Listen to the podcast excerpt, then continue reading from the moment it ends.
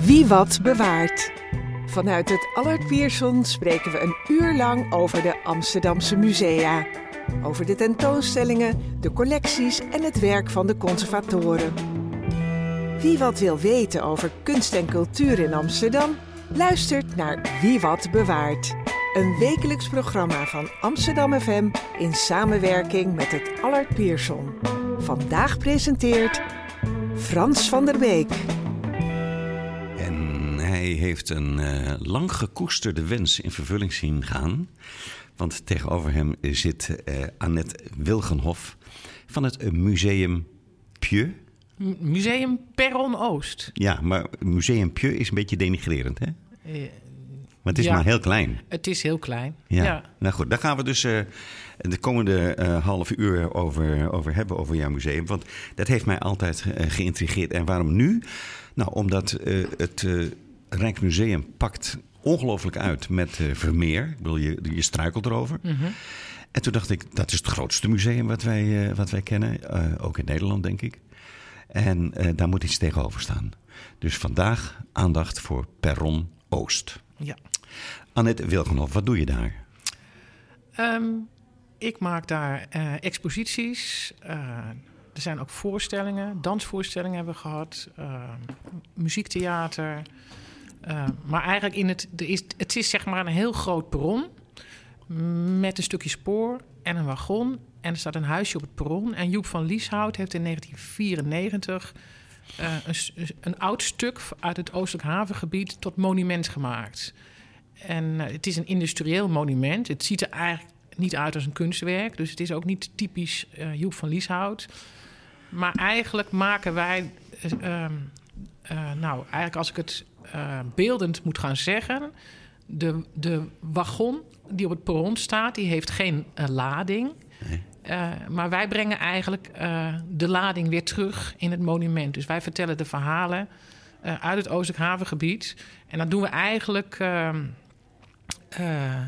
ja, 9 van de 10 keer altijd met kunstenaars. die dan zeg maar het, een verhaal van iemand uit de buurt vertalen. Oh, oké. Okay. In, in, een, in een installatie of... ja, ja. Een podcast ook. Vertel ook. eens even waar het is. Want dan kunnen we daar in grote getalen naartoe. Ja, het is uh, op Krukjesweg nummer 11. Maar ja, het schijnt ook niet altijd te vinden te zijn als je dat intoetst op, uh, oh. op de, op de route-app.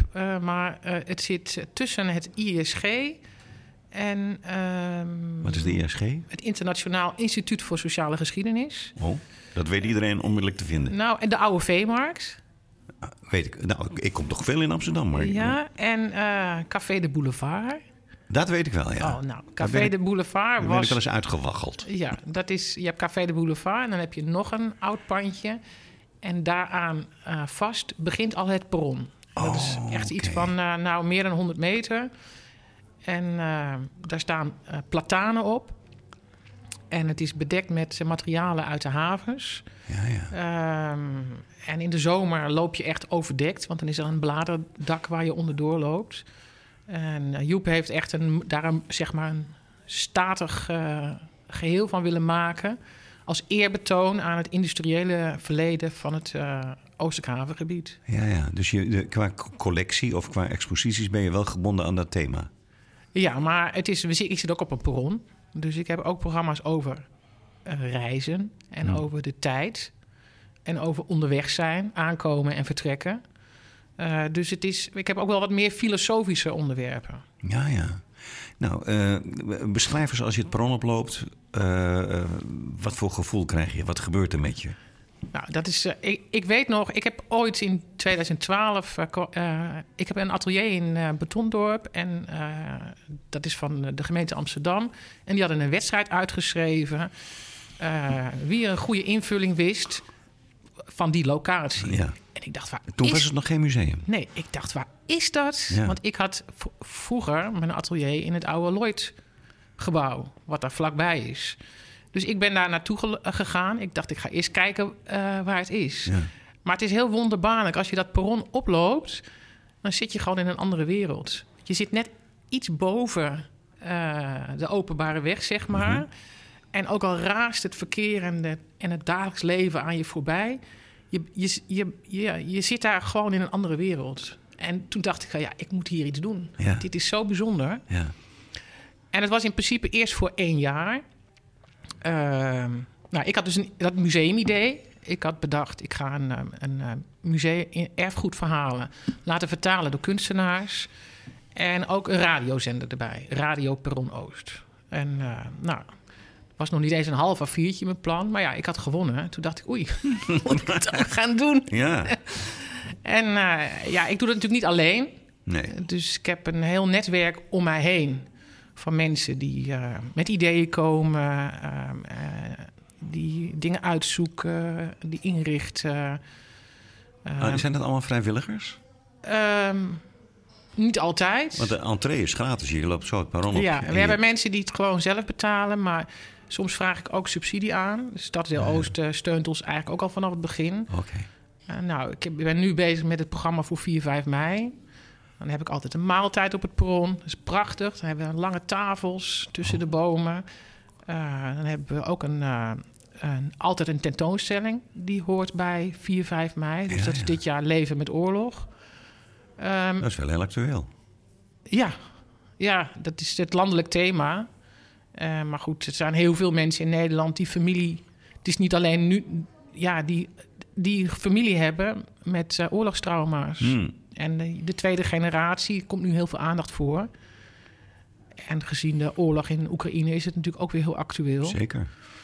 En we hebben in het Oostelijk Havengebied ook een uh, schip liggen met Oekraïense vluchtelingen. Uh, dus uh, ja, goed. En dat is zeg maar zo'n soort.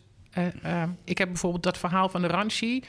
Wat we uh, jaren terug uh, uh, zijn begonnen in 2019, ook gekoppeld aan het verhaal nu van de vluchtelingen van Oekraïne. Ja, ja. Het verhaal van de Ranchi moet je even kort uitleggen. Ja, dat dacht ik al. Dat, is, dat zit in mijn hoofd natuurlijk helemaal. Ja.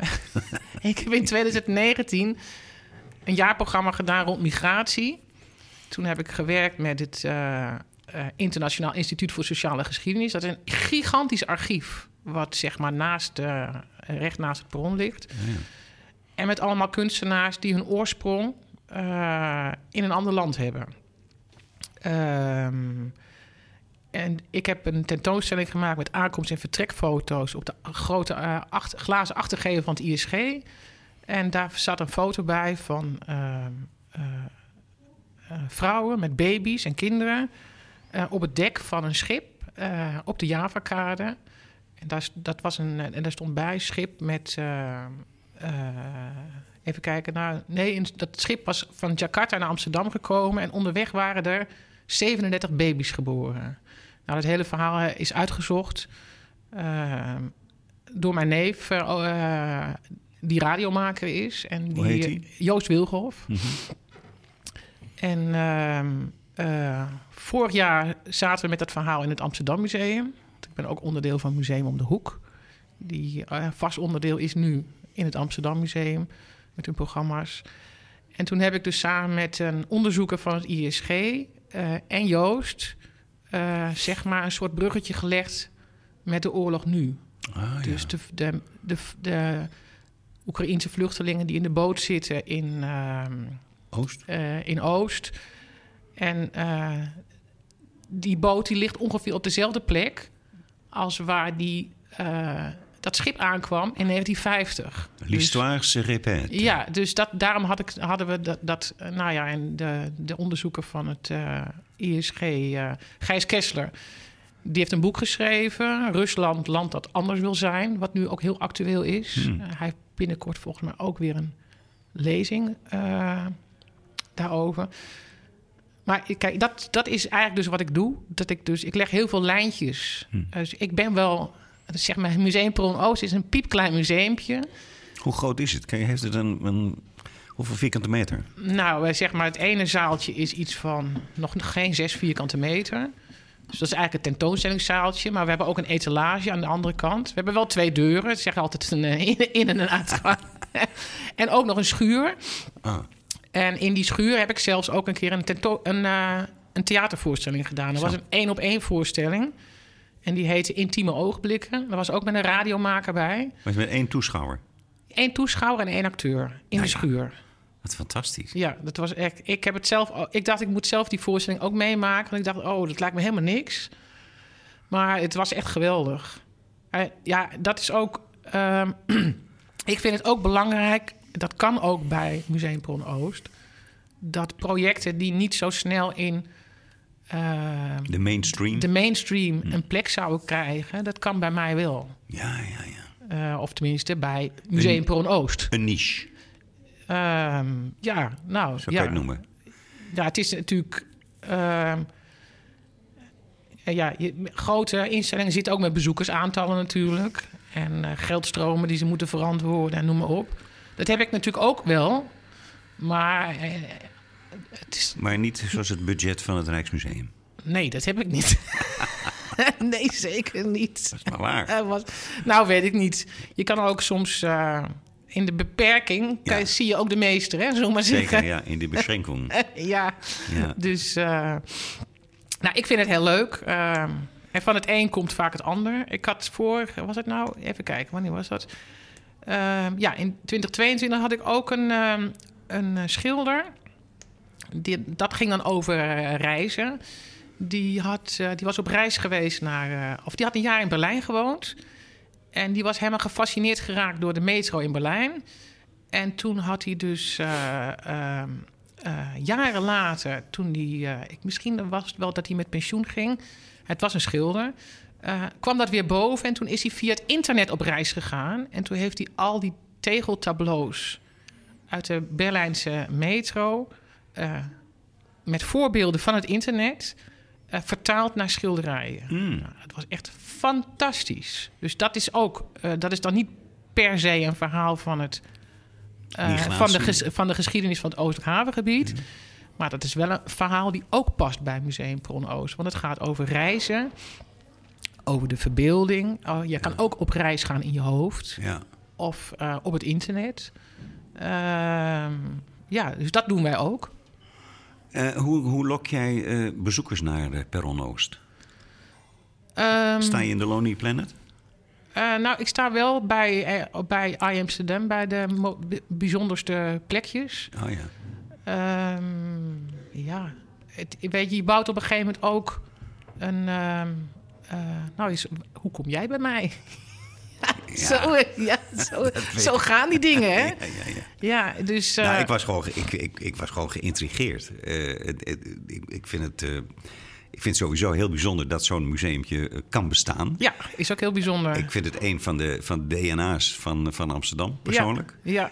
En, ehm, en, en op grond, en eh, wat ik net al zei, op grond van het feit dat we worden, worden platgewalst door Vermeer, leek het me aardig om eh, ook het kleinste museum even wat aandacht eh, te geven. Ja, dat is ook heel fijn. En eh, ja, wat ook heel bijzonder is... Kijk, bij ons hoef je dus niet in de rij te staan of kaartjes te kopen. Sterker nog, je kan 24-7 naar Museum Perron Oost. Zo, Want het is dag en nacht uitgelicht. Ik had ooit een kunstenaar uit Amerika... die vier jaar in de Indische buurt heeft gewoond. Die meldde zich bij mij. Mag ik bij jou een keer... eh, ehm, exposeren. exposeren. Want hij had 100 objecten met een verhaal verzameld in de vier jaar dat hij in Oost woonde. En hij zei altijd als ik ga stappen, ook al is het dan vier uur s'nachts, ga ik altijd nog even naar het museum. nou, dat kan dus. Ja, ja, ja. Dan ging hij op de fiets langs bij Perron Oost. En dan ging hij even kijken wat er was. Eh, Is het alleen schilderkunst of zijn het ook objecten? Er zijn ook objecten. Ja, ja. Het is, eh, het zijn eigenlijk alle kunstvormen. Ik heb ook eh, eh, gedichten gehad eh, in het museum. Eh, nou, vaak zijn het installaties. Ehm, het zijn ook wel informatieve pan- panelen. Ehm, ja, Eh, als je naar de website gaat en je scrolt door de exposities die we hebben gehad, dan krijg je wel een goed beeld. Ja, ja. Ik denk dat ik er ondertussen al wel 80 heb gedaan sinds ik begonnen ben. Zo. Dus dat zijn er wel eh, he- heel veel. Hoe lang duurt een expositie ongeveer bij jou? Ehm, ik denk gemiddeld twee maanden. Ja, ja. Twee, tweeënhalf. En wat is er nu op dit moment actueel? Ehm, we hebben nu, eh, die expositie die nu is, die heet Invloed. Eh, dat wat jij mij gaf. Eh, dat is ehm, uh, Nettie Gelijsteen kwam naar mij toe. Die maakt, even kijken, sieraden van medisch afval. En die wilde graag exposeren. en ze liet mij die sieraden zien. Ik zei, nou, dat is misschien een beetje dunnetjes om dat alleen te doen. En toen heeft ze er drie andere mensen bijgezocht. En dat gaat over het verhaal gaat eigenlijk over uh, je identiteit, je geografische identiteit, um, de medische identiteit. Is een Sophie Thomas, een jonge kunstenaar, die heeft foto's van haar transitie gemaakt. Die hangen daar ook. En uh, een mevrouw uit Indische buurt heeft van spullen die ze gevonden heeft op straat kleine beeldjes gemaakt. En dan had ik nog een performance kunstenaar die dingen met tekst deed.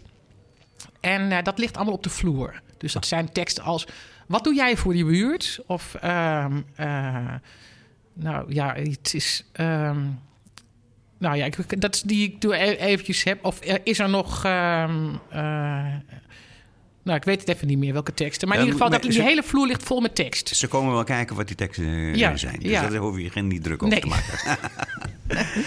En uh, die kunstenaars willen. Kijk, kunstenaars willen, moeten ook een inkomen. Uh, ja, klopt. Zijn die kunstwerken te koop? dat heb ik eigenlijk niet. Ja, ik denk. Ik geen, dat heb ik niet gevraagd aan ze. De, soms, wij hebben het daar meestal niet over bij. Uh, Bron Oost. Daar hangen geen prijskaartjes aan of zo. Nee, nee. Maar als mensen zeggen van nou, ik vind dit heel bijzonder en ik wil dat wel hebben. Ja, dan kunnen ze contact moeten ze gewoon een mail sturen. Naar de kunstenaar. Ja, of naar de Bron Oost als de kunstenaar niet kunnen vinden. Of, maar oh, ja. Ja, ja, ja.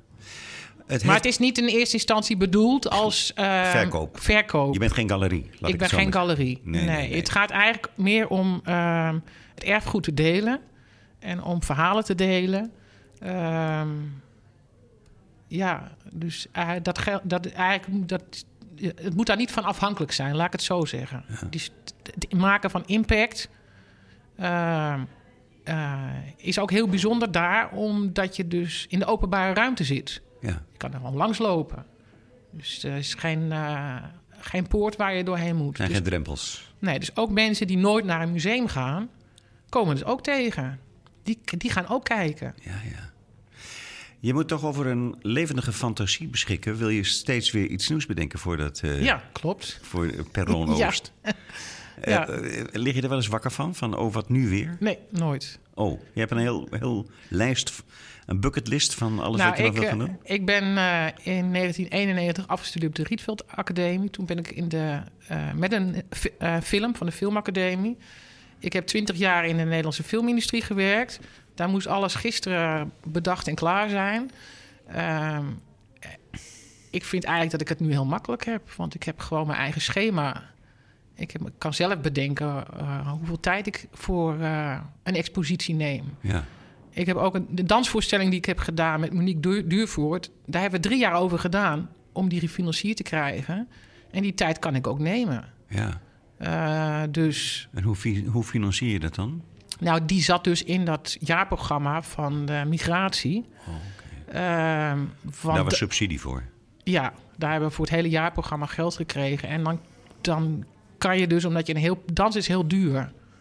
Want er moet heel veel geoefend worden en zo. Um, nou ja, het, is, het is nog een klein filmpje van uh, wat we daar gedaan hebben. Of wat Monique daar gemaakt heeft.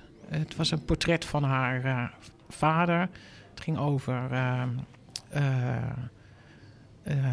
hoe dat je je van binnen voelt... en hoe dat je je naar buiten toe presenteert. En het heette Buurtman en het, was, het, het ging over de identiteit van de zwarte man. Hmm. En ja, zij heeft ook Surinaams, Fries en Amerikaanse roots of zo. In ieder geval, er zijn natuurlijk heel veel mensen in Amsterdam die uh, roots hebben die uit, van meerdere, uit meerdere verschillende plekken. E etnisch, van, ja. Ja, etnisch. Ja. En dat, ja, dat is natuurlijk wel ja, dat, was, dat, dat hoorde bij dat, bij dat jaarprogramma. Ja. ja, ik vind dat gewoon heel goed om dat te doen. En om iemand een kans te geven om zo'n project uh, te maken, te laten zien. Ja. Wat je vaak niet in woorden kan vertellen, maar dus wel in, nou, in, haar, in het geval van haar in dans. Mm -hmm. Maar dat is geweest. Dat is al geweest. Dat was in, een, in, in, eh, in ehm, eh, 2019. Wij spreken in deze uitzending van Wie Wat Bewaart met Annette Wilgenhof. En ben jij conservator van het Oost, Perron Oost? Of hoe noem je, wat is je functie? Eh, nou, ik zeg altijd dat ik creatief directeur ben. Oh, dat klinkt ook goed. Ja, dat is, eh, vinden mensen ook grappig. Ja. En ehm, ik zeg ook altijd van, nou, je hoeft niet groot te zijn om impact te maken. Ja. Kan altijd. Ehm, ik maak de tentoonstellingen. Ik, ik, ben, niet- ik ben, ja, hoe zou ik het zeggen? Meestal maken andere mensen de exposities. En ik ben eigenlijk degene die het over, totale grote overzicht houdt. En coördineert. En coördineert en subsidies aanvraagt. En, ehm, Oh, dus je hoeft niet allemaal zelf te bedenken. Er komen ook mensen die jou... ja, eh, zeker. We zijn oh. een heel groot team. Oh, een Ja. groot team voor een klein Nou museum. ja, het, eh, eh, ik ben wel degene die zeg maar de continue. Ik ben de continue factor, zeg maar. Ja, ja. Ja, De stabiele factor. ja. En dan dus. Maar goed, ik werk nu samen met een jonge kunstenaar Stella Tonen. Die doet het programma voor 4, 5 mei. Dat heeft ze vorig jaar ook gedaan. Maar zij heeft dat hele programma bedacht. Maar ik help wel mee met de plannen opschrijven. En ik, de, ik ondersteun haar wel waar, eh, waar dat nodig is. Ja, ja. Nou ja, ik krijg dus nu de indruk dat, eh, eh, correct me if I'm wrong, eh, dat er van alles gebeurt. Dus het is niet alleen maar leuke, leuke kunst ophangen of fotografie of wat dan ook. Maar er zijn ook voorstellingen en Ja, klopt. Er, is, er is activiteit. Zijn, ja, dat natuurlijk niet non-stop. Nee, nee. En eh, je, het is ook niet zo dat daar iemand eh, staat. Dus als je, daar- als, je, als je zeg maar wil dat er iemand is in het museum, dat kan. Ik geef ook wel rondleidingen. Ik heb wel mensen die dus mij mailen en zeggen... Goh, ik heb u gevonden op, eh, op Google. En waar kan ik eh, rondleiding boeken? Of, Dan ben je snel klaar. Hoe werkt het? In een klein museum. nou, nee, ik, dan geef ik een rondleiding. In, dat, dat monument is groot Oh, en dan wandel ik ook door de buurt. oh, Want het gaat over de geschiedenis van de buurt. Juist. Ja, dus eh, wij hebben in de tijd ook eh, eh, Van der Laan op bezoek gehad. Ehm, De geliefde burgemeester. Ja, en nou, die hebben we een rondleiding gegeven in het museum... die toch wel 20 minuten heeft geduurd. Zo. En daarna zijn we naar het persmuseum gegaan. Dat was om de hoek. Het, ja, zit, het zit nu in beeld en geluid dat zit nu in beeld en ja. geluid. Maar daar, toen hebben we het heel erg gehad over eh, hoe belangrijk het is dat dit soort plekken er zijn. Eh, waar zeg maar op een laagdrempelige manier eh, kunst en cultuur getoond wordt Ja. in het voorbijgaan.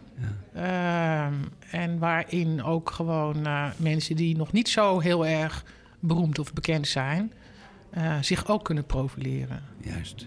Maar je hebt geen museumwinkel. Ehm, heb ik wel eens aan gedacht. Exit through the bookshop. Omdat ik twee deuren heb natuurlijk. Ja, daarom.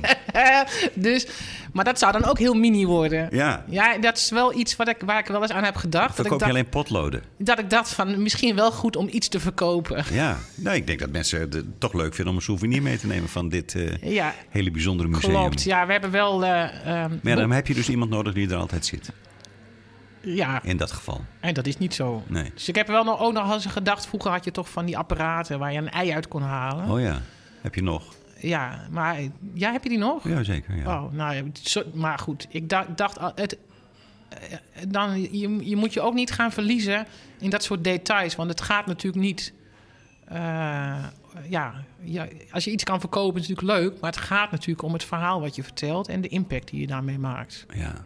Nee, dat is duidelijk. Ja, Vind je het heel erg als ik zeg dat ik nu alweer ben vergeten wat er nu aan de hand is in het museum? Dat je dat toch een keer aan mij vertelt. Oh, wij hebben, nu is eh, expositie Invloed. Oh ja, dat Ja, was ook zo. dat ja. wat jij mij gaf. Ja. Met foto's eh, van eh, ehm, Sophie Thomas.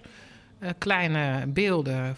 Even kijken, hoe heette zij nou? Ik ben ook al, jij zegt, ik ben slecht in namen, maar ik, kan ze nu ook allemaal niet meer. Eh, Robert Pennekamp, Pennekamp, die heeft eh, de ehm, een eh, performance gedaan met tekst. En Nettie Gelijsteen heeft ehm, eh, sieraden van medisch afval. Oh, ja. En de andere dame heeft een, ook een heel erg mooi verhaal, ook audio, Mhm. ingesproken. Dat kan je ook horen als je je oor tegen de deur legt. Oh ja, Ja, oh, dat is heel spannend. Over sociale geo, eh, so, nee, eh, geografische identiteit. En dan vertelt zij over... eh, Zij is net vertrokken uit de Indische buurt. En ze woont nu in Diemen aan het kanaal. En dan vertelt ze eigenlijk wat ze heeft achtergelaten. Of ja, hoe dat je gevormd wordt door de buurt waar je in woont. Ja, ja. Of waar je in... ja, dus dat is ook een... dat is dan niet geen schilderijtje, maar dat is gewoon een verhaal. Ja, En dat kan je ook luisteren. Multidisciplinair heet dat Ja, en we hebben ook nog een audiotour. Het verdwenen spoor. Van, die kan je ook, eh, die kan je ook nu nog lopen. Bij Easy Travel. Eh, op je telefoon, op een app. En dat begint ook op het perron. Eh, En waar, ga je dan naartoe? dan loop je het hele eh Krukjes-eiland af. En dat hebben die, we hebben die tour gemaakt toen het nog niet verbouwd was. Het deel wat zeg maar bedrijvigheid was. Hmm. Nu staan er allemaal weer appartementen. Eh, dus de plekjes die, waar wij hebben gestaan... daar staat waarschijnlijk nu een, een eh, appartementencomplex. maar de verhalen kan je gewoon nog luisteren. Ja, het ja. gaat over de oude veemarkt, de pakhuizen... eh, het drijvende eiland van Jasper Grootveld... Eh, nou, het ISG natuurlijk, het abattoir, het bloedkanaal, het al met alle, de, de blije buren, alles zit erin. Wat is de filosofische insteek, als ik het woord mag gebruiken, van deze tentoonstelling, Invloed? Wat wil je ermee Ehm, weer losmaken? Dat wat jij, ja, dat wat jij mij gaf. Ehm, ja, het, het, het, zeg maar, ja, ik ben niet de maker, maar voor mij is het heel erg.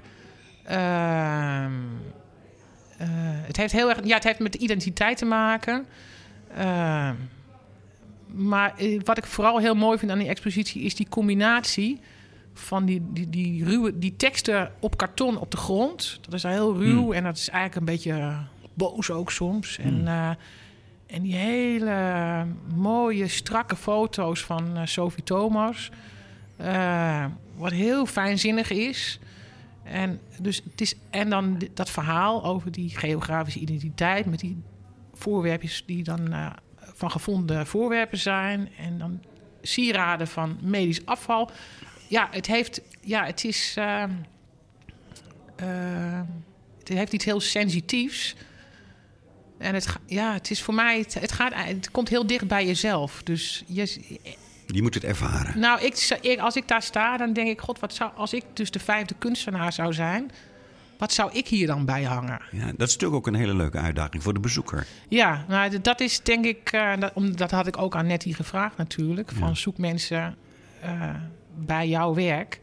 die je werk kunnen versterken. Ja. Want dat gebeurt ook vaak... dat als je het ene naast het andere... Kijk, in- bij Vermeer hangt alleen Vermeer. Ja. Eh, ja, dus dat is ook heel bijzonder. Maar in deze expositie bij ons is juist de, de, het samengaan van vier verschillende Kunstvormen. kunst- nou ja, kun- ja, kunstenaars met die toch. Ze, ze vertellen allemaal afzonderlijk een verhaal, maar ze beïnvloeden ook. Het ene verhaal beïnvloedt het andere. Ja, ja. Ik begrijp het. Ik kijk even naar Abe, want we hebben zometeen nog een gast. Die staat al in de, in de, in de, in de, wandelgangen. Hoeveel hebben we nog, eh Abe? Oh, we kunnen nog even vijf minuten over jouw museum praten. Dan gaat het Ja, heel goed. Dan de volgende gast. Ehm, dat lijstje van eh, plannen die je nog hebt, kun je daar iets over vertellen? Wat is de volgende bijvoorbeeld? Die, eh, Eh, wat nou, kunnen we verwachten? We hebben, het volgende project heet Kijk niet weg. Eh, dat is een, een persoonlijk verhaal van een tweede generatie oorlogsslachtoffer. Eh, die heb ik in contact, die is 60. Die heb ik in contact gebracht met eh, een jonge kunstenaar die nog geen 30 is, Stella Tonen. Eh, zij heeft hem geïnterviewd en, en, zij maakt dus een installatie op basis van zijn verhaal. En nou, we gaan dus op vijf, da- daar komt dus een expositie van. En op 5 mei gaan we eten met z'n allen. En dan hebben we sprekers. En dan gaan we ook verschillende generaties met elkaar in contact brengen. En dan gaan we het hebben over hoe kunnen we goede voorouders zijn voor de komende generaties. Ja, dus dat heet Future Design. Eh, we zijn ook nog bezig om, een, eh, om nog iets van een uh, conferentieachtig iets te organiseren. Als het lukt met alle financiën. maar dat zou dan in juni zijn. Ehm, nou ja, dat. dan werken we altijd samen met de buurtcoöperatie, de Eester. Die zit op de Van Eesterenlaan. Daar altijd een kok uit de buurt die gaat, dan gaat koken op 5 mei. En dan zitten we dus aan die lange tafels. Voor, voor, voor hoeveel mensen is er plaats? Nou, dit jaar hebben we het op 65 gezet. Maar we hebben ook wel eens met 150 mannen gegeten. Oh, dus het hangt af van de, de, de hoeveelheid belangstelling? Ja, nou, als, met 65 hebben we misschien wel dat er meer mensen willen komen dan kan. Maar ja, het is de keer dat we het 150 hadden, ah, waren, toen hadden we het... Uh, het staand buffet? Nee, hadden we vijf keukens in de buurt waar gekookt werd. Dus oh. al die vijf mensen, die nemen allemaal hun eigen bubbel mee. Dus dan heb je snel heel veel mensen. Ja, ja, ja. Maar heb je plaats voor al die mensen? Ja, dat bron is heel lang. Oh, oké. Ik moet alleen wel meubilair huren natuurlijk. Dus daarom moet ik op een gegeven moment zeggen van... nou, eh, de max zit op 65 of de max zit op 100. Ja, ja. Want ik moet het wel halen of laten komen, zullen we zeggen. en wat kost zoiets? Want uh, daar moet je ook wel een centje voor betalen, neem ik aan. Nou, ik heb in het verleden had ik, uh, vroeg ik meestal 7,50 euro. Nou, dat is geen geld. Is geen geld. Nee. Uh, ik heb afgelopen jaar heb ik het gratis gedaan. Uh, gewoon om eens te kijken wat er dan gebeurt. En dan krijg je echt andere mensen die langskomen. Er zijn namelijk ook mensen die zelfs 7,50 euro niet kunnen missen. Ja. Dus ik, dit jaar ga ik het doen dat iedereen zelf mag weten wat hij geeft. Dus je kan wat geven, maar het hoeft niet. Het is niet alleen het kleinste museum in Amsterdam, het is ook het meest sociale museum. Ik hoop het. ik hoop het. En dan heb ik in uh, september een, uh, heb ik weer een schilder. En die heeft allemaal containers geschilderd. En aangezien het Oostelijk havengebied, uh, havengebied af is... vanwege het fenomeen van het containerschip... Hè, dat kon, paste niet door het ei... Mm dus die havens zijn verplaatst naar. Uh, de bedrijvigheid is verplaatst naar West. En in uh, Rotterdam is eigenlijk echt een container terminal. Um, dus ja, en dat, is, dat, dat, dat, dat, heeft dus ook een link naar de geschiedenis omdat zeg maar, uh, het opkomen van dat, die containerscheepvaart natuurlijk ervoor gezorgd heeft dat het Oostelijk havengebied nu een woonwijk is. Ja, ja. En geen haven meer. Aha. Ja, het is nog wel een haven, maar geen, er komt geen thee meer aan of koffie of uh, wat dan ook. En de bezoekers zijn het meestal buurtbewoners? Of nee, er komen ook mensen van ver. Ik, krijg, dus ik had laatst een mevrouw die ging met haar zoon eten bij een restaurant in de buurt. En die zei: hey, ik uh, zag een uh, museumembleempje op uh, Google staan. En kunnen we bij u langskomen? Dus dat gebeurt ook. Ah, ja. vaak gewoon mensen die exposeren nemen allemaal publiek mee. Ja, hun achterban. Hun achterban. Ik heb zelfs een keer iemand gehad uit Japan. Zo. Die langskwam. En die, uh, uh, ook, die, heeft ook een, die is teruggekomen. Die vroeg toen van, kan ik exposeren? Ik zei, nou, is goed. Kom maar met een idee. Ja. En die is toen speciaal voor een expositie teruggekomen uit Japan. En heeft toen een reis gemaakt van Sicilië naar Peron Oost. En daar heeft ze een verslag van gemaakt. En dat was toen het project. Fantastisch. Dus dat gebeurt ook. Je kunt met Museum Perron Oost alle kanten op. Ja, klopt. Dat is een goede kreet trouwens. Ja. Die, houden we er even in. Die houden we er even in. Annette Wilgenhof, jij bent de creatief directeur. Ja. Uh, hartelijk dank voor je komst naar Wie Wat Bewaart. Uh, ik wens je heel veel succes met de volgende tentoonstellingen. Ja, dankjewel. En we maken even plaats voor uh, René van Beek. Ja. Dankjewel. Tegenover mij in de studio van Allard Pierson zit René van Beek, een, een bekende hier in, in, in, het Allard Pierson. Want hij je mag het zelf even zeggen, want ik ben bang dat ik er weer over het woord struikel. Maar we, gaan, we gaan wat over hebben. Ik, ik, ga vandaag wat aan je vertellen, uh, naar aanleiding van leuke vragen van jou, over een zogenaamde dactyliotheek. Dat bedoel ik. Ik ga het even herhalen, want dan kan ik eraan wennen. Een dactyliotheek. Ja, een dactyliotheek, dat is een, letterlijk een bewaarplaats van gesneden stenen. Zo moet je dat letterlijk vertalen. En dat is een ongelooflijk interessant en heel bijzonder object. En dat bestaat dus eigenlijk uit een kastje waarin gesneden stenen zitten. Maar die gesneden stenen zijn niet altijd voorhanden. En wat gebeurde er dan? In de 18e eeuw, 19e eeuw, dan werden er afdrukken gemaakt van die gesneden stenen. En die gesneden stenen, die afdrukken daarvan, die werden dan in die kastjes gedaan En dat noem je een dactyliotheek. Oké. Eh, eh, wat kun je met die stenen? Ja, dat is een hele goeie. Uh, dat doe je natuurlijk niet zomaar. Nee. die gesneden stenen die waren ongelooflijk geliefd. Met name bij mensen die reisden in Italië. het was natuurlijk een soort toerisme, wat we de Grand Tour noemen. Mensen die op reis gingen om te leren van de geschiedenis in Italië. De klassieke oudheid natuurlijk vooral, dat was heel belangrijk. Maar ook de late tijd, ook de renaissance en dergelijke. Nou, die mensen die gingen naar Italië toe en zagen daar uh, allerlei belangrijke monumenten, beelden, voorwerpen, getuigenissen zeg maar, uit de oudheid. En uh, dat wilden ze ook bestuderen, dat wilden ze ook meenemen. Maar je kon natuurlijk niet uh, een, een karrevracht met beelden meenemen, dat ging niet. Dus er werd gezocht naar methoden om kopieën te maken, om, uh, ge, om herinneringen te maken als het ware van die monumenten. En dat deed men op verschillende manieren. En een van die manieren uh, was het maken van gesneden stenen. En als je die gesneden stenen dan hebt, dat werd dus ook in de Renaissance gedaan, maar dat werd ook al in de oudheid gedaan. Dus je hebt een hele lange periode waarin die geschiedenis van die gesneden stenen voorkomt.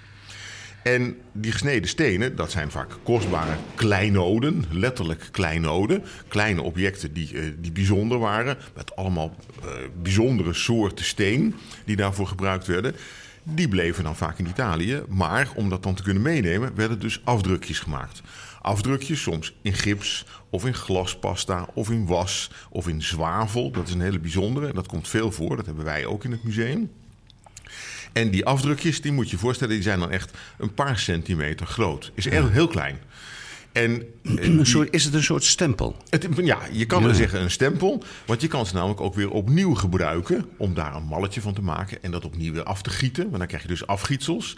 Uh, naar aanleiding van de afdrukjes. Dus het werd ook gem, gemultipliceerd, zeg maar. Het werd vermenigvuldigd. En wat kreeg je dan te zien? De, de... Je, je, kreeg de voorstelling te zien van bijvoorbeeld uh, een beeld, een beroemd beeld. wat in het kapitool stond in oh. Rome. Of bijvoorbeeld een mythologische voorstelling. Of een belangrijke renaissance gesneden steen uh, die uh, ook geïnspireerd is op de klassieke oudheid. Dus allemaal dat soort voorstellingen die te maken hebben met de oudheid meestal, die werden dan gereproduceerd in die afdrukjes. Is het een soort prelude op de fotografie?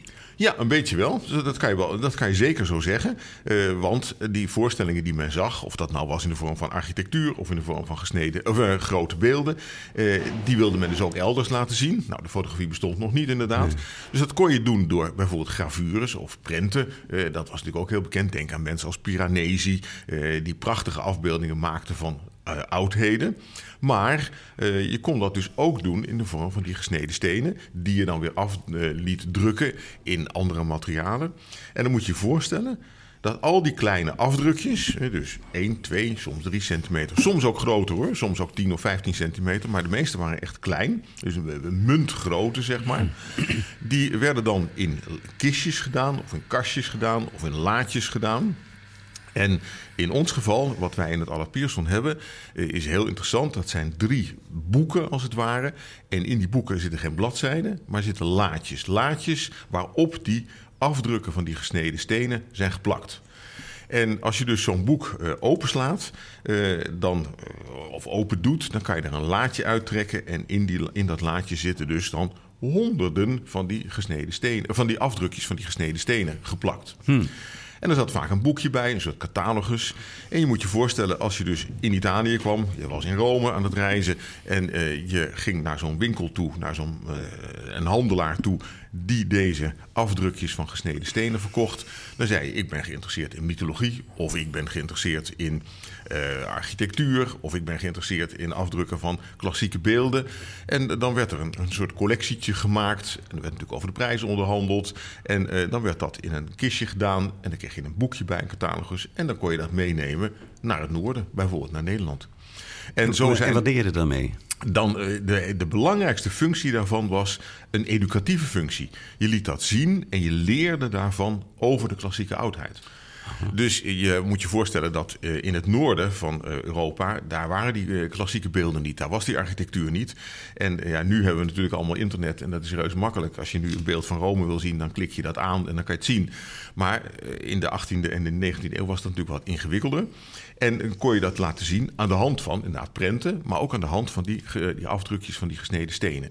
Dus je deed dan bijvoorbeeld bij onderwijs of uh, in, in vroege museumcollecties of verzamelingen, uh, kunstkamers en dergelijke, belangrijke particuliere verzamelingen ook. Uh, daar zat dan zo'n dactyliotheek in. En dan als je een, iets wilde vertellen over de klassieke oudheid, deed je dat open, trok zo'n laadje eruit en zei: Kijk, dat is het verhaal van Herakles. En dat is het verhaal van een Marsyas en van de Sileen en van Apollo. En zo kon je dus allerlei mythologische verhalen vertellen. Maar je kon dus ook die klassieke oudheid echt laten zien. Dus het heeft een heel sterk educatief aspect. Ja. Waar komt het woord vandaan? Dactyliotheek is een, is een Grieks woord. Het heeft te maken met gesneden stenen.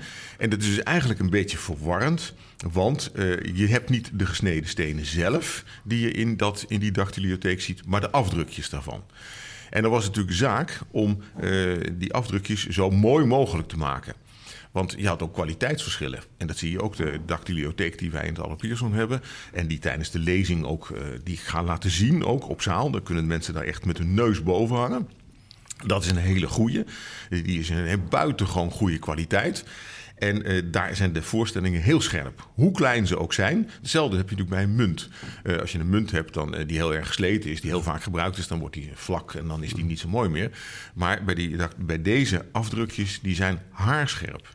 En het interessante is dat die afdrukjes gemaakt zijn in zwavel. Een soort mengsel met zwavel erin. En uh, dat is een materiaal wat goed uh, de afdruk opneemt, zeg maar, wat vrij scherp is. En dan werden ze vaak rood gemaakt. Soms werd het ook in lak gedaan. En dan heb je dus een prachtige, heldere afdruk van die gesneden steen. En die zie je ook hier in het museum? De en die, die, zie je ook hier, die, die laat ik dus tijdens die lezing zien. Nu gaan we het even over de lezing hebben. Dus ik ja. zou de luisteraar even oproepen om nu de agenda vast te pakken en een, uh, en een pennetje. Want wanneer is de lezing? Zaterdag 11 maart, uh, smiddags om, om twee uur. Uh, dan zal ik hier in het museum die dagbibliotheek ook laten zien. Want dat is natuurlijk het leuke. Het is natuurlijk prachtig om een verhaal te houden. Dat is nu ook lastig, want hoe ziet het er nou uit? Je kan ja. het wel proberen zo beeldend mogelijk te vertellen, maar je moet het natuurlijk zien. Ja. En dat gaan we op 11 maart ook doen. Dus uh, op een karretje uit de kluis wordt die dagbibliotheek naar boven gereden. En dan kunnen mensen ook echt inderdaad kijken... ja, wat is dat nou? Wat is zo'n gesneden steen? En dan laat ik ook voorbeelden zien van... kijk, hier heb je een voorstelling van bijvoorbeeld uh, het verhaal... dat is een voorbeeld hè, van Marsyas en Apollo. Dat is een belangrijk mythologisch verhaal. Marsyas die, had, uh, die dacht dat hij heel goed op de fluit kon blazen... Uh, en die dacht dat hij het beter kon dan Apollo. Dat is natuurlijk heel dom, want je moet een god nooit uitdagen. Je moet een god nooit tarten natuurlijk.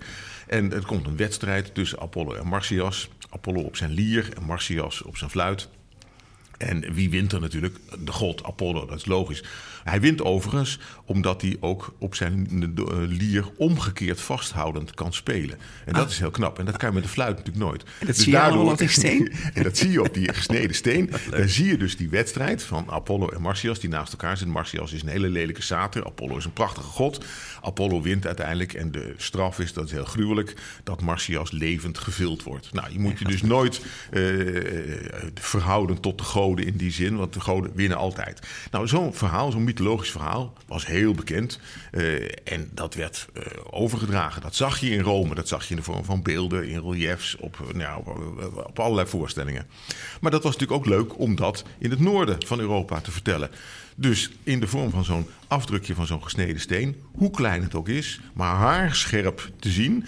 Uh, ik zal dat ook laten zien op 11, mei, uh, op 11 maart. Mm -hmm. uh, kan je dan dat laten zien van hoe dat eruit ziet. En zoals ik dat nu, dat verhaal vertel van die mythologie, zo gebeurde dat in de 18e en de 19e eeuw ook. Dan zag iemand dan, god, wat, wat staat daarop? Wat zie ik nu eigenlijk? Nou, dan kwam dat mythologische verhaal naar voren. Maar dat kon ook over Heracles gaan. Maar we hebben bijvoorbeeld ook uh, een rijtje van die afdrukjes van de Romeinse keizers. Dat is natuurlijk ook leuk. Ja, hoe zag keizer Augustus eruit? En uh, hoe ziet Vespasianus eruit? En noem maar op. Nou, we hebben een prachtig portret bijvoorbeeld van Vespasianus. Uh, een keizer die uit het eind van de eerste eeuw na Christus. En dat kan je dus laten zien aan zo'n heel klein afdrukje.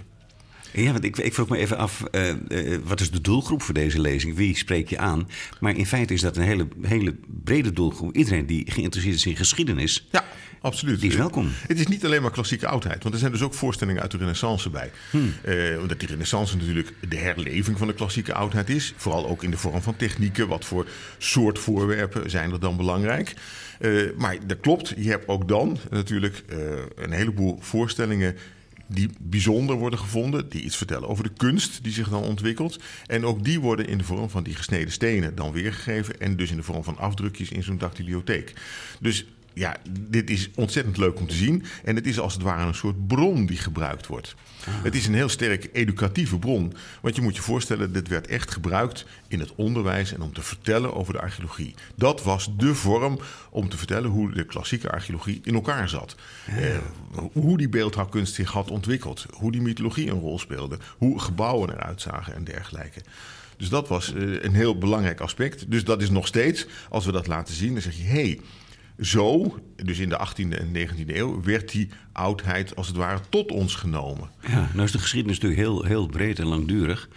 Uh, in hoeverre is uh, jouw dactyliotheek ja, dactyliotheek uh, representatief voor uh, wat zich in het verleden heeft afgespeeld? Ja, heel representatief, denk ik. Want er zijn ontzettend veel verschillende uh, soorten dactyliotheken. Je hebt dus, wat ik net zei, Romeinse keizers. Maar je hebt ook gebouwen. Oh, je hebt ook beeldhouwwerken. Je hebt ook mythologie. En je kon natuurlijk, als je als reiziger in Rome was... en je zei, ja, maar ik heb nu dat. Uh, ik ben op het Capitool geweest en ik heb daar uh, fantastische beeldhouwwerken gezien. En die beeldhouwwerken die, die wil ik als het ware meenemen naar Noord-Europa. Nou, dan, dan, dan, deed je dat. Maar een ander die zei van nee, ik vind het verhaal van Heracles leuk. Of ik vind de Trojaanse oorlog interessant. En uh, ik wil die verhalen juist vertellen en die verhalen meenemen. Dus je hebt ongelooflijk veel soorten dactyliotheken. Dat zal ik ook laten zien. Want in die grote boeken uh, die we hebben, dat zijn drie delen. Uh, dat, en daar zitten in het totaal duizenden van die kleine afdrukjes in. Die gaan we niet allemaal doornemen. Hoor. Nee, dat neem ik aan. Dan ben je drie jaar bezig. Daarom, ja. Maar dan zie je dus ook dat er een enorme variëteit zit aan soorten afbeeldingen. Een enorme variëteit aan verhalen en dergelijke. Dus wat dat betreft is het zeker representatief en is het heel breed. En je moet je dus ook voorstellen dat het uh, gecombineerd wordt bijvoorbeeld met uh, afbeeldingen van prenten in boeken. Maar dan heb je een prent van een beeld uh, of een prent van architectuur. Maar die dactylotheken zijn natuurlijk heel klein, dus die zijn veel handzamer. Ja. En het aardige is ook, uh, dat is natuurlijk het idee, waarom is dat verpakt dan als het ware in een boek? Je kan ook gewoon een kastje maken natuurlijk. Ja. Uh, waarom, uh, waarom moet dat dan een boek zijn? Nou, het idee daarachter is dat in een boek zit de kennis. Zit de encyclopedische kennis. Symbolisch. Het is, het is, heel symbolisch, inderdaad. Ja. En het is ook een periode waarin juist uh, die kennis over de klassieke oudheid met name weer naar boven komt, vergaard wordt. Je moet je voorstellen, in de 18e eeuw, in de helft van de 18e eeuw, wordt Pompeii ontdekt, Herculaneum wordt ontdekt. Dus die belangstelling voor die klassieke oudheid, die was ongelooflijk groot. En de mensen gingen daar naartoe, de beroemde Grand Tour, gingen daar kijken. En ze waren dus heel erg gespitst op meer te weten te komen over die klassieke oudheid. Hmm. En dat wilden ze ook vertellen als ze weer terug waren. Dus maakten ze zo'n dactyliotheek mee met die kennis uh, van die oudheid die dan in een boek werd gestopt, als het ware. Dus dat was het symbool van, van kennis en van, van, uh, van, van wetenschap, zeg maar, en van geleerdheid. Hmm. En die kon je tentoonstellen. Als jij uh, vrienden uitnodigde, dan had je zo'n zo'n mooi boek op tafel liggen. En daar kon je dan je geleerdheid aan tentoonstellen. Zijn er veel van die dactylioscopen? Dactyliotheken, daar zijn, er, daar zijn er verschillende van. in de universiteit, de, het Rijksmuseum van Oudheden in Leiden heeft prachtige voorbeelden. Okay. Het Rijksmuseum hier in Amsterdam en het Allard Pierson. Maar ze komen ook nog wel voor in de handel. Enkele keer zie je ze wel in de handel. Oh, ja? En je ziet ze ook nog in andere musea. Want ze werden echt, het is een middel om de kennis te verspreiden. Ja, ja, ja. Als je uh, tijdens die uh, lezing, uh, dan laat je uiteraard het karretje komt naar boven, je laat zien wat het is. Maar vertel je ook de verhalen erbij, geef je een soort geschiedenisles? Ja, ja voor een deel wel. Het is de geschiedenisles van het voorwerp, van die dactylotheek. Ja. Waarom is dat nou zo interessant en waarom is dat zo'n leuk voorwerp en ja. wat zie je nou? Maar aan de andere kant vertel je ook de geschiedenis aan de hand van die afdrukken. Dus het is dus een dubbele geschiedenis. Je gebruikt het voorwerp als een primaire bron om iets te vertellen over hoe die kennis werd verspreid. Maar ook als een secundaire bron, omdat de verhalen, bijvoorbeeld over de Trojaanse oorlog, daarin afgebeeld zijn. Ja, ja. Hoe lang duurt die lezing? Uh, als het aan mij ligt, uren. nou ja, je kunt dagen vertellen, neem ik aan. Ja hoor. Nee, die lezing duurt uh, drie kwartier. Dan is het even oh. pauze. En dan gaan we met z'n allen goed kijken naar die dingen. Uh, en dan kunnen mensen vragen stellen van hoe zit dat nou, hoe is het gemaakt, enzovoort, enzovoort. Ja, en de ja. aanleiding is dat die, het net heel mooi gerestaureerd is. Uh, hij was in niet zo'n goede conditie meer en hij is prachtig gerestaureerd. En, en nou, omdat hij nu er weer heel mooi uitziet, is het ook wel leuk om dat weer eens voet voetlicht te halen en daar meer uh, informatie over te ja. geven. Hoe zijn jullie in het bezit gekomen van deze dak? Dat is een hele goede vraag. Dat weten we niet precies. Hij is Oh. al heel lang in de collectie van het museum. En het zou dus heel goed kunnen dat Allard Pierson, de naamgever van dit museum, dat die in zijn onderwijs deze dactylotheek al gebruikte voor studenten. Want het was dus gewoon gebruikelijk om aan de hand van die afdrukjes die kennis te vertellen en de, de, de, de, de kennis over de klassieke oudheid te verspreiden. Dat deed Allard Pierson als hoogleraar in de 19e eeuw. Dus het zou heel goed kunnen dat hij of een collega eh, zo'n soort dactylotheek zoals we nu hebben gebruikte in het onderwijs. Maar hij is al heel lang in de collectie en eh, we weten niet precies van wie die eh, afkomstig is. Nee, nee. Oh, nee. oh ja, dat is natuurlijk jammer, want het je graag Nou ja, daar moet nog verder onderzoek naar gebeuren. Daar komen we wel achter op een gegeven moment. Eh, dat is een kwestie van heel veel inventarissen doorkijken, archiefonderzoek doen en dergelijke. En het ding heeft heel lang in de collectie gelegen en er is niet zoveel mee gebeurd. Eh, maar nu, eh, zeker nu die gerestaureerd is, dan gaan we er echt wel weer meer mee doen. Eh, Ja, ja, begrijp ik. Ehm, als, je de, als je aanwezig wilt zijn bij de lezing, eh, Ja, je moet je aanmelden en dat kan gewoon via de site van het museum. Oké. Eh, het mooiste is als je vriend bent van het museum, dan mag je er gratis in. En als je eh, gewoon aanmeldt, dan moet je gewoon een kleine rijk betalen. Dat weet ik niet precies. Maar nee, dan, nee, maar, en met de museumjaarkaart? En met de museumjaarkaart kom je sowieso Kom je het museum gratis in. Dus dat is allemaal Ah, oké, oké, oké. Ehm, wat, wat, wat, je hebt daarnet al verteld, wat, ehm, je laat het zien, je vertelt over de verhalen. Ehm, wat verklaart jouw bevlogenheid? Want je kan Ja. er heel mooi over vertellen. Het mooie is natuurlijk dat je aan de hand van zo'n klein voorwerpje eh, een heleboel kan, informatie krijgt over die klassieke oudheid. Ja. En dat is natuurlijk iets wat een archeoloog altijd leuk vindt. Want hoe eh, leefde men? Hoe functioneerde men? Wat voor interessante verhalen zijn er te vertellen over die klassieke oudheid? En dan is zo'n dactyliotheek bij uitstek een voorwerp om juist al die verhalen te vertellen. En er is natuurlijk niks leukers dan als je met geschiedenis of met archeologie bezig bent, om aan de hand van die verhalen een indruk te krijgen van hoe ging het daar nou? En dat willen we ook allemaal weten. Toen Pompeii werd ontdekt in de, in de 18e eeuw, ja, hoe leefde men daar dan? En, en wat, wat, wat voor mensen waren dat? En wat was hun gedachtenwereld? En die gedachtenwereld die kan je zien aan de uitingen in de kunst of in de gesneden stenen of en, enzovoort. Ja. Het zit in een, in een boek. Ja. Eh, maar het is geen boek, want het Nee. zijn laadjes met die, die, eh, met die stenen. Eh, zijn er wel boeken verschenen naar aanleiding van de verhalen die op die stenen worden verteld? Ja, zeker. Ja, nee, dat, er is veel over gepubliceerd. Maar het grappige is dat in die boeken zitten niet alleen die eh, afdrukjes van die gesneden stenen, maar zit meestal ook, en dat zal ik ook laten zien, een klein catalogusje, dus een klein boekje, waarin precies beschreven staat wat voor voorwerpen. Ze zijn genummerd. Dus als je zegt eh, laadje 4, eh, steen eh, 35, dan kan je precies in dat catalogusje zien van, oh, dat is die en die voorstelling, dat is die en die Romeinse keizer, enzovoort. Dus er zit ook een klein boekje in. Maar er is ontzettend veel over gepubliceerd ook. Er zijn veel boeken verschenen over. En er zijn bijvoorbeeld ook prenten gemaakt van dactyliotheken. Daar zal ik ook voorbeelden van laten zien tijdens de lezing op, op plaatjes. En dus eh, er zit allerlei verschillende vormen van, van interactie, als het ware, tussen de manieren van weergeven van die klassieke oudheid. Wauw. Ik, ben zeer, ik begin al zeer benieuwd eh, te raken naar de lezing. Maar nou eh, denk ik dat niet iedereen kan komen. Ehm, en toch wel, want je, je, je, bent een smaakmaker voor dit, eh, Ja. voor dit onderwerp. Ehm, kunnen ze op internet bijvoorbeeld ook eh, Ja, ja, zeker. het verhaal vinden en, en aanschouwelijk Ja eh, hoor, laten maken? als je gewoon googelt naar dactyliotheek met een C, Ja. dan vind je voorbeelden ook daarvan in andere musea. En eh, die van ons staat nog niet op het internet. Dat doen we nog niet. Dat doen we dan waarschijnlijk wel na de lezing. Want eerst moeten de mensen maar komen kijken en komen Vind ik ook, luisteren. ja. Eh, maar je kan gewoon dit, eh, het principe, wat ik zei, dus in het Rijksmuseum van Oudheden zijn er prachtige voorbeelden van in het Rijksmuseum hier en in veel musea in het buitenland ook. Dus het is niet een uniek voorwerp. Maar elk, zoals elk boek ook weer anders is, is ook dit weer net een iets andere inhoud met andere afdrukjes van gesneden stenen. Ja. Heb je alle stenen uh, bekeken? Wat er... We hebben ze allemaal bekeken. Wat, uh, hoeveel zijn het er? Nou, dat zijn er duizenden, uh, alles bij elkaar. Want we hebben niet alleen die drie boeken, maar Oh. we hebben ook andere vormen van dactylotheken. We hebben bijvoorbeeld ook kleine ovale plaatjes waar ze opgelijmd zitten. Die zitten dan niet in een boek, die zijn los. En die waren goedkoper, want dan kon je gewoon zo'n plaatje kopen met een aantal van die gesneden Ja, ja. Die afdrukjes. Die zijn in gips. In die boek zijn van zwavel, dus dat is een groot verschil.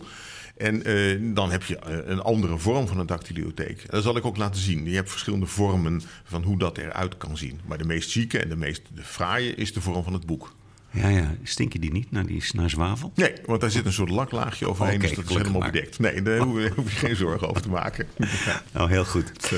Oké, nou, uh, ik denk dat het uh, heel interessant is om naar deze lezing te komen op 11 maart Ja. om Twee uur 's middags in het Allerpierson. twee uur. Maar eerst even aanmelden.